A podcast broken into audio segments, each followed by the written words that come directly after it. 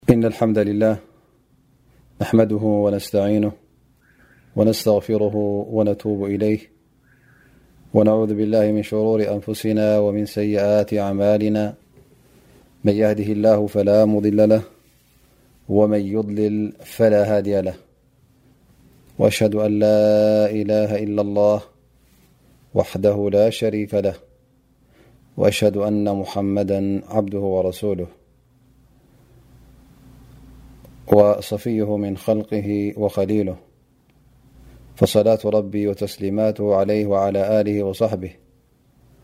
سار علىنهجهإ يوماياااي آمنوااتقوا الله حق اته ولا تموتن إلا وأنتم مسلمونيا أيهاالناس اتقوا ربكم الذي خلقكم من نفس واحدة وخلق منها زوجها وبث منهما رجالا كثيرا ونساءا واللهالذي سالون به والأرحام إن اللكان عليكمريباياايتواالله وقولواقولاديديصلح لكم أعمالكم ويغفر لكم ذنوبكم ومن يطع الله ورسوله فقد فاز فوزا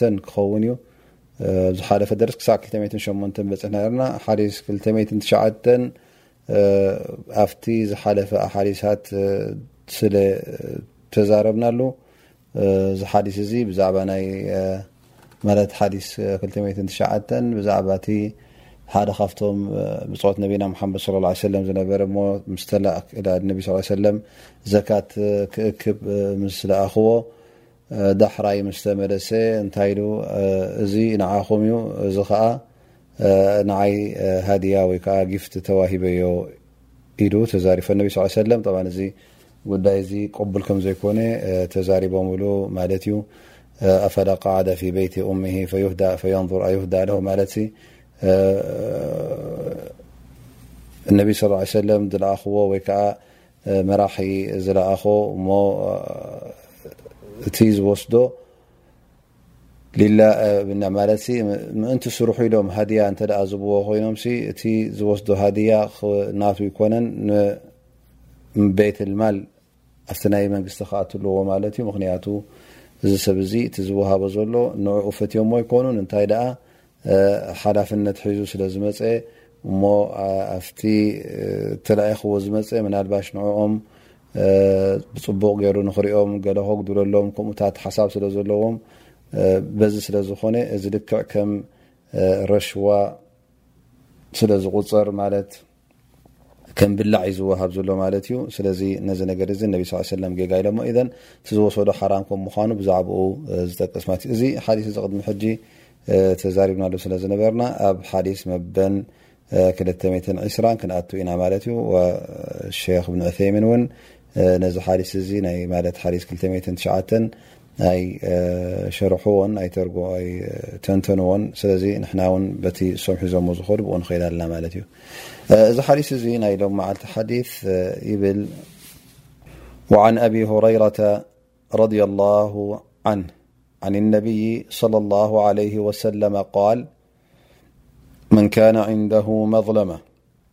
من كان عنده مظلمة لأخيه من عرضه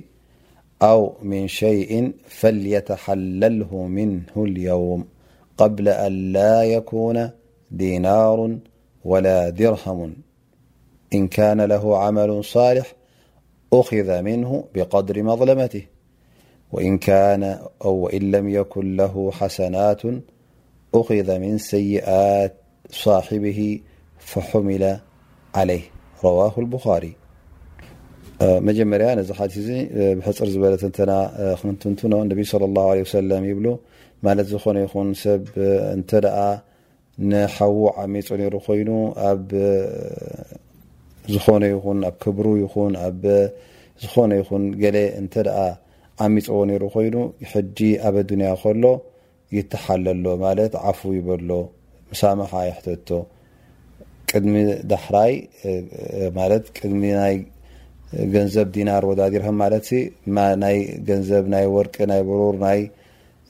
ገንዘብ ዘይጠቕመሉ እዋን ከይመፀ ከሎ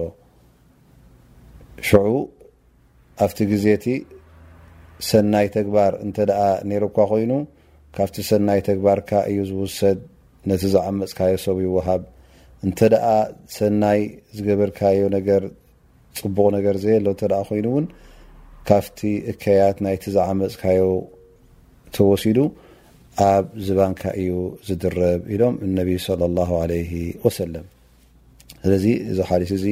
ብዛዕባ ናይ ሰብ ምዕማፅ እንታይ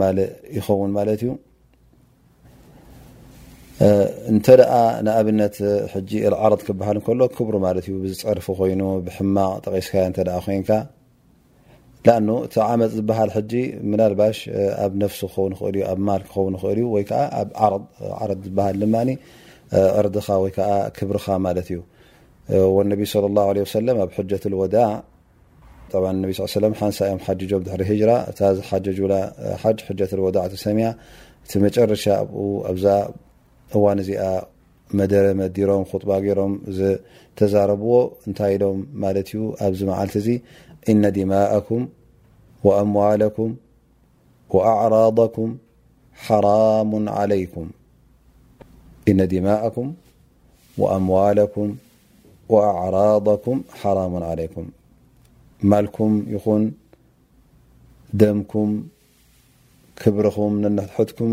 እዚ ክትከባበሩ ኣለኩም ሓራም እዩ ነዚ ነገር እዚ ክትግህሱ ዘይፍቀድ ደም ሓውኻ ክተፍስስ ዘይፍቀድ ማል ሓውኻ ንክትምንዝዕን ንክትወስድን ንክትሰርቕን ክብሪ ናይ ሓውኻ ምግሃስን እዚ ኩሉ እንታይ እዩ ዝቁፅር ማለት እዩ እዚ ኩሉ ሓራም እዩ ኢሎም ነቢይ صለ ላه ለ ሰለም ኣብ ሐጀት ወዳዕ ተዛሪቦምሉ እዮም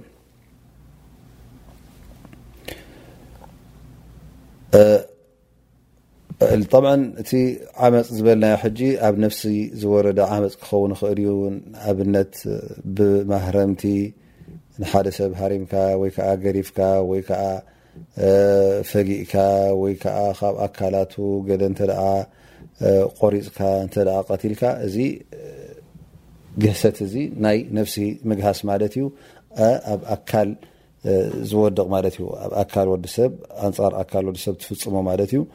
ብናይ ጉልበትካ ተጠቒምካ ወይ ነብሱ ከተጥፋኦ ከለኻ ብዓብኡ ማለት እዩ ክትቀትሎ ተዘይቀተልካዮ እውን ኣሎ ካብ ኣካላቱ ኢዱ እግሩ ዝኾነ ይኹን ዓይኑ ወጊእካዮ ሃሪምካዮ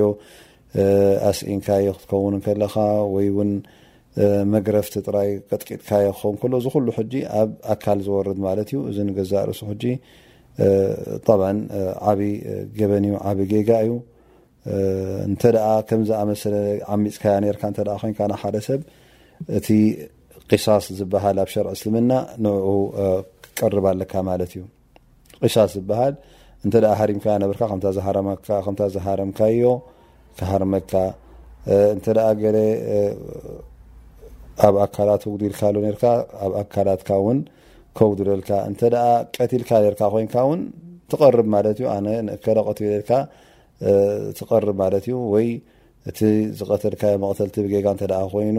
ጋር ነፍሲ ትኸፍል እንተ ፈሊጥካ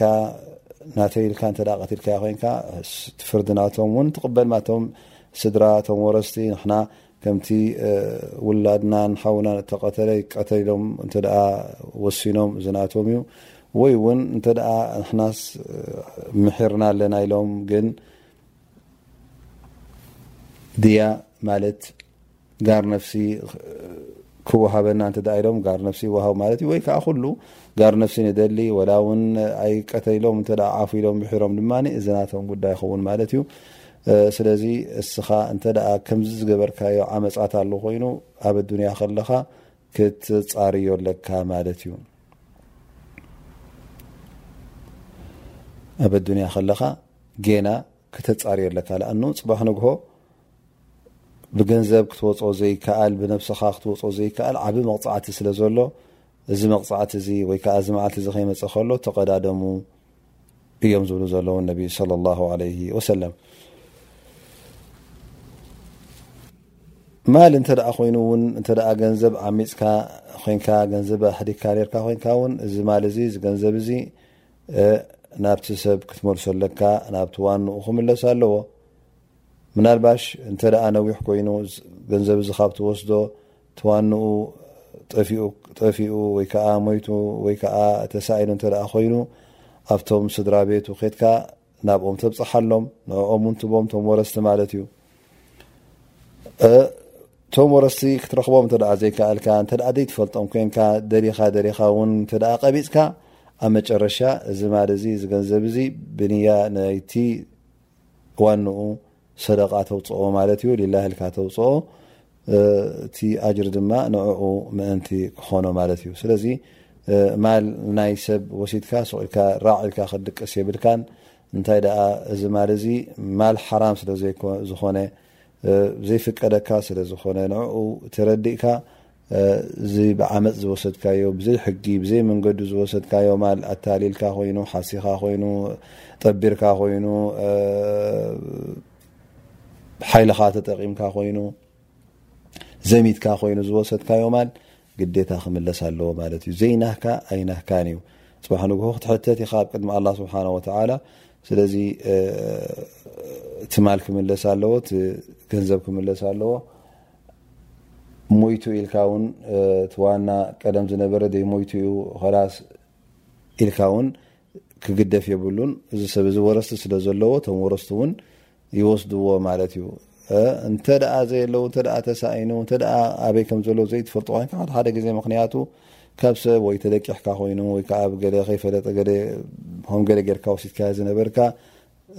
ዳሕራይ ድሕሪ ክንዲ ዓመት ክትምልሶ ምስ ደለኻ እቲ ዋና ትስእኖ ማለት እዩ ብሰንኪ ሞት ይኹን ይፍለ ወይ ከዓ ብሰንኪ መገሻ ወይ ከዓ ንስኻ ገሽካ ንስኻ ርሕዕካ ትሰዎ ዘለዎ ቦታ እንተሓተትካሉ ድማ ሓቲትካ ድሃዩ እንተ ስኢንካ ኣብ መጨረሻ እንታይ ትገብር ማለት እዩ ናብቶም ቤተሰቡ እንተ ትፈልጦም ኮንካ ናብኦም ተብፅሖ እቶም ቤተሰብ ውን እንተ ዘይትፈልጦም ኮንካ ንዑ ጥራይ ኢኻ ትፈልጥ ነርካ መን ከም ምዃኑ ውን ብዙሕ ዴላ ኣይነበረና ንልካ ምክንያቱ እቲ ገንዘብ ከምቲ ዝበልናዮ ብዝያዳ እንተ ብምዝማትን ብስርቅን እተ ኮይኑ ሓደ ሰብ ክሰርቕ ከሉ እንታዋዩ እከለ ኢሉ እውን ኣይሓትትን ዩ ካብ ዝፈልጦን ካብ ዘይፈልጦን ስለ ዝሰርቕ እሞ ሕጂ እቲ ገንዘብ እንተ ኣሎ ኮይኑ ነቲ ገንዘብ ሊላህ ኢልካ ተውፅኦ ማለት እዩ ሰደቃ ብንያ ንመን ነቲ ዋና ገንዘብ ኢልካ ተውፅኦ ማለት እዩ ብ እዚ እቲ ዝበልና ቲ ዓመፅ ናይ ነፍስን ናይ ማልን ይኸውን ቲ ዓመፅ ናይ ዓረብ ዝበሃል ዘሎ ወይከዓ ናይ ክብሪ ድማ እንታይ እዩ ከም ንሓደ ሰብ ኣብ እኩብ ሰብ ዘለዎ ኮንካ ክትፀርፎ፣ ከተካፍኦ፣ ከተናሽዎ ከለኻ ወይ ከዓ ክትሓምዮ ከለኻ እዚ ሰብ እዚ ሓምየካ ኢልካ ሳምሓኒ ክትብሎ ኣለካ ምእንቲ ፅባሕ ንግሆ ኣብ ኣኼራ ከይተሓሓዘካ።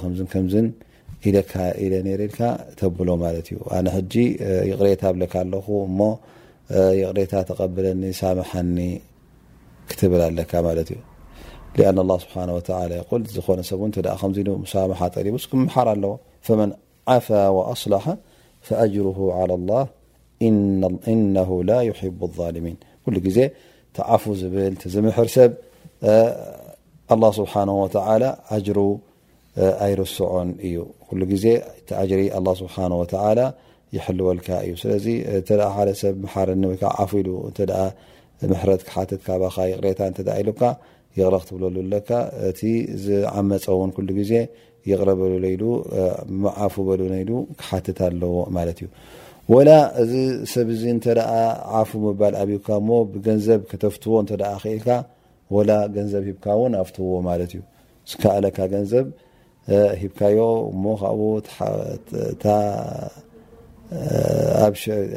ካብኡ ክትረክብ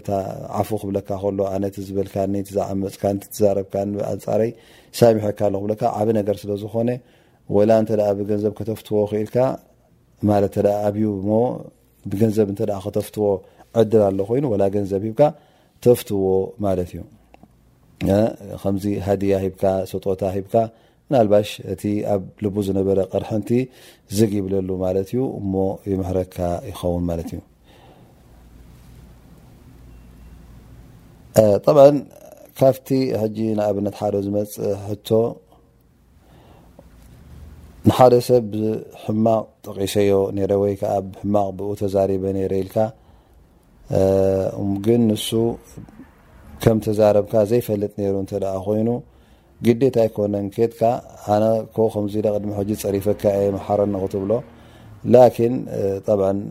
እንታይ ክትገብር ኣለካ ማለት እዩ ነዚ ሰብ እዚ ኩሉ ግዜ ብፅቡቕ ትዝክሮ ኣብ ቅድሚ ሰብ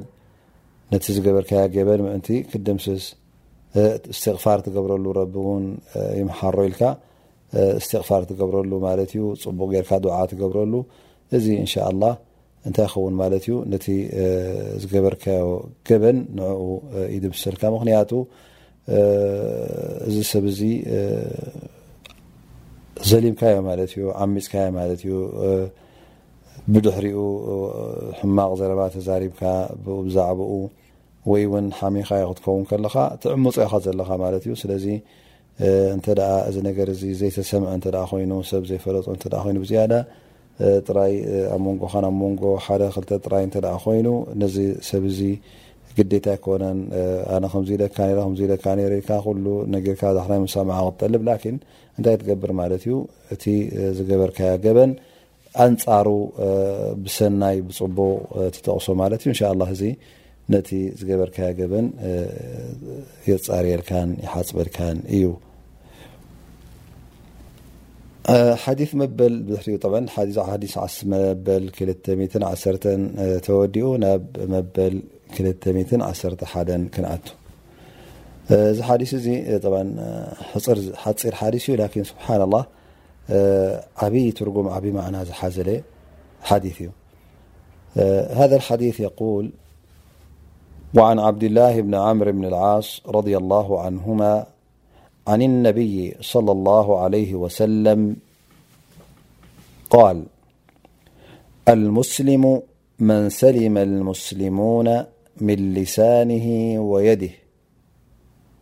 ወልሙሃጅሩ መን ሃጀረ ማ ነሃ ላሁ ዓንህ ሙተፈቁን ዓለይህ ነቢይ صለ ላሁ ለ ወሰለም ኣብዚ ሓዲስ ይብሉ ብሕፅር ዝበለ ትርጉም ኣስላማይ እቶም ኣስላም ካብ መልሓሱን ካብ ኢዱን ናፃ ዝወፁን ዝሰለሙን እዮም እቲ ሙሃጅር ዝበሃል ከዓ ማለት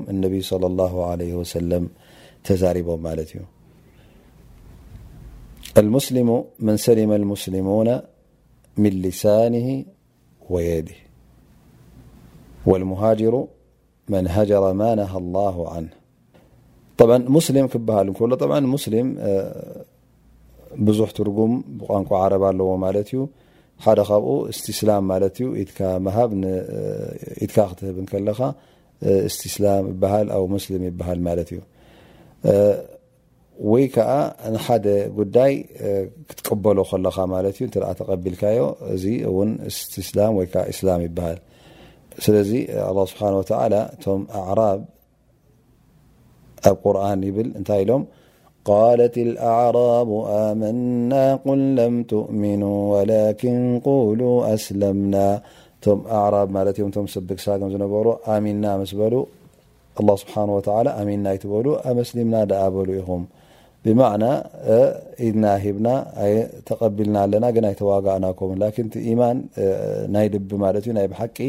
ኣብ ልቢ ዝተሰቆረ እዩ ላኪን እቲ እስላም ዝበሃል ብግዳምካ ነቲ ጉዳይ ክትቅበሎ ከለኻ ማለት እዩ ከምኡ እውን ኣልእስላም ትርጉሙ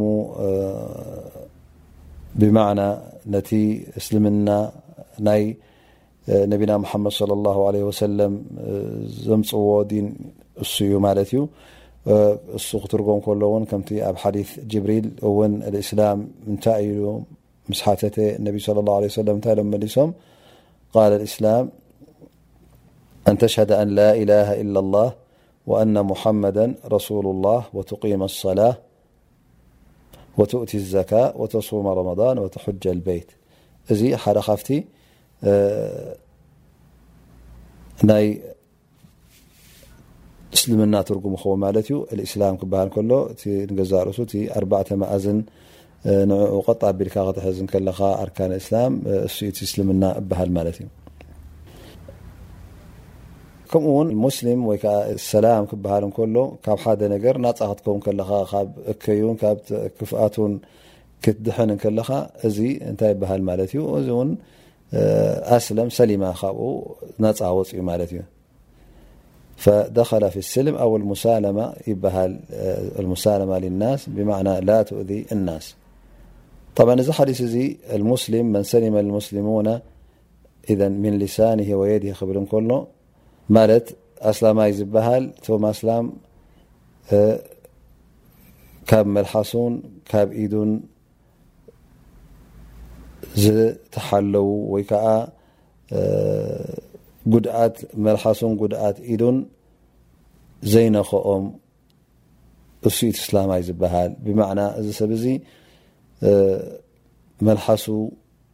ዝሓዘ ምስላም ዘይረግም ዘይፀርፍ ዘይሓሚ ዘየናሹ ዘየባእስ ዘረባ ናፍተናፍን ዘይላኸዕ ዝኾነ ይኹን መልሓሱ እንታይ ኮይኑ ማለት እዩ መልሓሱ ዝሓለዎ ማለት እዩ ምክንያቱ እዛ መልሓስ እዚኣ ኩላና ከም ንፈልጣ ብዙሕ ሽግራት እዩ ዘለዋ ብዙሕ ኣበር እዩ ዘለዋ ማለት እዩ እሞ እንተ መልሓሱ ዓፅዩ ሓደ ሰብ እሞ ነቶም ኣሕዋት እስላም ካብ መልሓሱ እተ ካብ ክፍኣት መልሓሱ እተ ሓልይዎም እዚ ሰብ እዚ ቁኑዕ ኣስላማ ይኸውን ኣሎ ማለት እዩ ደቂ ሰብ እተ ርእናዮም ሕጂ እዛ መልሓስ እዚኣ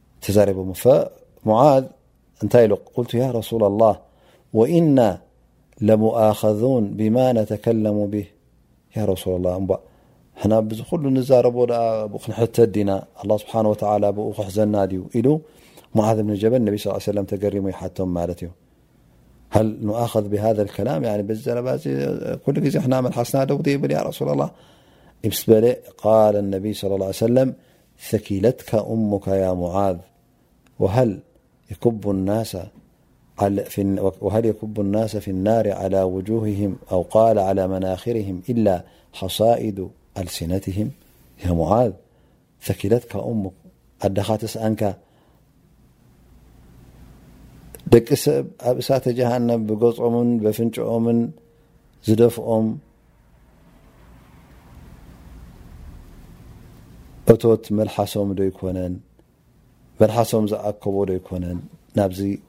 እሳተ ጀሃነም ዘእትዎም ኢሎም ነቢ صለ ላሁ ለ ወሰለም ብዛዕባ ናይ መልሓስ ሽግርን ናይ መልሓስ ሓደጋን ነጊሮሞ ማለት እዩ ስለዚ እቲ ሓደገኛ ዝኾነ ኣካል ኣብ ኣካላትና እተ እንታይ ዩ ክንብል ኮይና እቲ ዝዓበየ መልሓስ ይኸውን ማለት እዩ ምክንያቱ ሰብ ኣይግደስን እዩ ዝዛረቡ ብዙሕ እዩ ሰብ ዛረብ ዩ ማለት እዩ ላኪን ካብ ኢዱን ካብ እግሩን ካብ ብዓይኑን ዝፍፅሞ እቲ ብመልሓሱ ዝፍፅሞ ይበዝሕ ማለት እዩ ከምኡ ነቢ ለ ላه ለ ወሰለም ካብቲ ዝጠቀሱና ሓሊስ እውን ኣብ መንጎ መንጋግኡን ኣብ መንጎ ክልተ ሰደፋቱ ዘሎን እንተ ዝሓለወ ኣነ ጀና ሒዘሉ ኣለኹ ወይ ከዓ ንጀና ንክኣቱ ካብ ኣላ ስብሓን ወተዓላ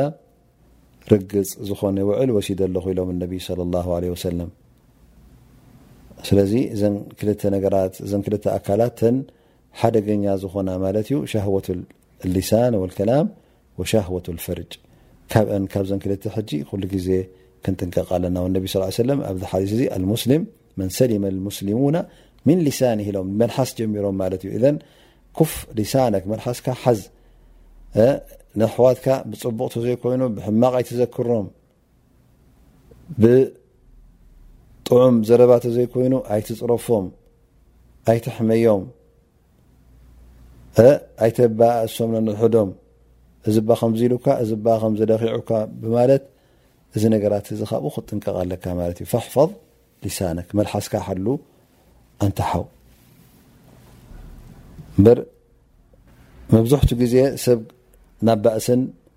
ናብ ሕማቕ ነገራትን ዝበፅሕ እተ ርእና ኩሉ ግዜ ብመልሓስ ያታ ትጀምር እታ ንእሽተይ ነገር ኩሉ ግዜ ብዘረባ ብመልሓስ ትጀምር ኣብ መጨረሻ ኩናትን መቕተልትን እውን ትበፅሕ ማለት እዩ ገለ ሰባት ሕማቕ ነገር ክሰምዑ ከለዉ ኣብ ክንዲ ዝሰትርዋ መሊሶም የባርዕዋ ማለት እዩ እከለ ከምዝን ከምዝን ኮይኑ ኢሎም ሕማቕ ነገር እንተ ሰሚዑ በቃ ተሓጒሱ ነዛ ዘረባ እዚኣ ንየማን ንፀጋም እከለን ከምዚ እንዲገይሩ ከምዝተገበረ ከምዝተገበረ ኩላ እታ ሽሙ የካፍእ ማለት እዩ ልክዕ ከምዚ ፕሮፓጋንዳ ይገብረሉ ማለት እዩ እዚ ሕጂ ኣዝያ ዩ ማለት እዩ ነዚ ሓውኻ እዚ እንታይ ትገብሮ ኣለኻ ተኣዝዮ ወይ ከዓ ትሕምሞ ኣለኻ ትጎድኦ ኣለኻ ሓውኻ ኣስላማይ ማለት እዩ ስለዚ እዚ ኣዝያ እዚ መጉዳእቲ እዚ ፅቡቕ ኣይኮነን ከምኡ ውን መን ሰሊመ ሙስሊሙነ ምን ሊሳኒ ወየዲ ብ ቲ ናይ ኢድ ብዝያዳ ምናልባሽ እዚ ኩላና ጉድኣት ከም ምኳኑ ነስተውዕለሉ ንኸውን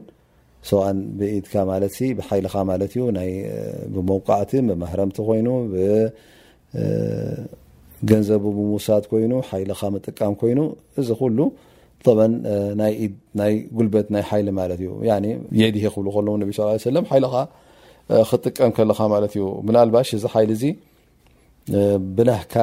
ባዕልኻ መንዚዕካ ወይ ከዓ ባዕልኻ ክትገርፎ ወይ ከዓ ሓላፍነት ኣለካ ኮይኑ ንወታደር ሰዲድካ ኮይኑ ንገለ ሰብ ሰዲድካ ኪዱ ቀጥቁጥዎ ኪዱ ህረምዎ ኪዱ እሰርዎ ኪዱ ከምዝግበርዎ ክትብል ከለካ ንስኻ ቀንዲ ስለዝኾንካ ንስኻ እውን እዚ ኩሉ ኣብ ምንታይ ኣቱ ማለት እዩ ምን ኣዝየት ልሙስልሚና ብልየድ ብኢድካ ነዚ ሓውኻ ዝትጎድኦ ኣለኻ ማለት እዩ ጠብዓ እቲ ህብረተሰብ እስላማይ ኣላ ስብሓን ወተላ እዚ ህብረተሰብ እዚ ሓደ ኣካል ክኸውን ስለ ዝደልዮ ኣላ ስብሓን ወተላ እዚ ህብረተሰብ እዚ ፍቕርን ስኒትን ሕውነትን ሸፈቃን ዝመልኦ ምእንቲ ክኸውን ስለ ዝደልዮ ኣላ ስብሓን ወተላ እዚ ዲና እዚ እውን ናይ ግለሰባት ኣይኮነን እንታይ ደኣ ናይ ማሕበረሰብ እዩ ናይ ኩልና እዩ ስለዚ ፍቅሪን ስኒትን ክነብር እንተ ኮይኑ ኩላና መልሓስና ሒዝና ተከባቢርና ኢድና ኣርኒብና ብፅቡቅ ንንሕድና እናተዛረብና ብጥዑም መልሓስ እናተመላለስና እንተ ደኣ ነቢርና እቲ እስልምና ንገዛእ ርእሱ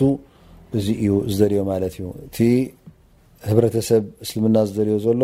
ከምዚ ዓይነት እዚ ክኸውን ኣለዎ ማለት እዩ እበር እንድሕር መልሓስካ ዘይትሕሉ ኢትካ ዘይትሕሉ እተ ኮይንካ እዚ ሰላም ዘይብሉ ሓርፋፍ ዝኾነ ናብራ ከይ ዝኾነ ናብራ ዘይትረግኣሉ ናብራ ክኸውን ማለት እዩ እዚ ድማ እቲ እስልምና ዝፀልኦ ይኸውን ማለት እዩ ስለዚ ክብሪ ናይ ኣሕዋትካ ክትሕሉ ኣለካ ብመልሓስካ ይኹን ብተግባራትካን ብኩሉ ምንቅስቃሳትካ ንኦም ዝጎድእን ንኦም ዘሸግርን ክትፍፅም ይብልካን ሃ ዓረብ ማለት እቲ ኣዕራድ ናስ ዝበሃል እቲ ክብሪ ናቶም ብመልሓስካ ክተናሽዎ የብልካን ዘይገበርዎ ገይሮሞ ዘይወዓልዎ ውዒሎሞ ወላ ውን ሓደ ነገር ውዒሎሞ እተ ኮይኖም ክትሰትሮም ኣለካ ማለት እዩ ሕማቕ ነገር እተ ክገብሩ ርኢኻዮም ንስኻ እሞ እዚ ነገር እዚ ብጀካኻ ዘይረኣየ ሰብ እተ ኣሎ ኮይኑ እስኻ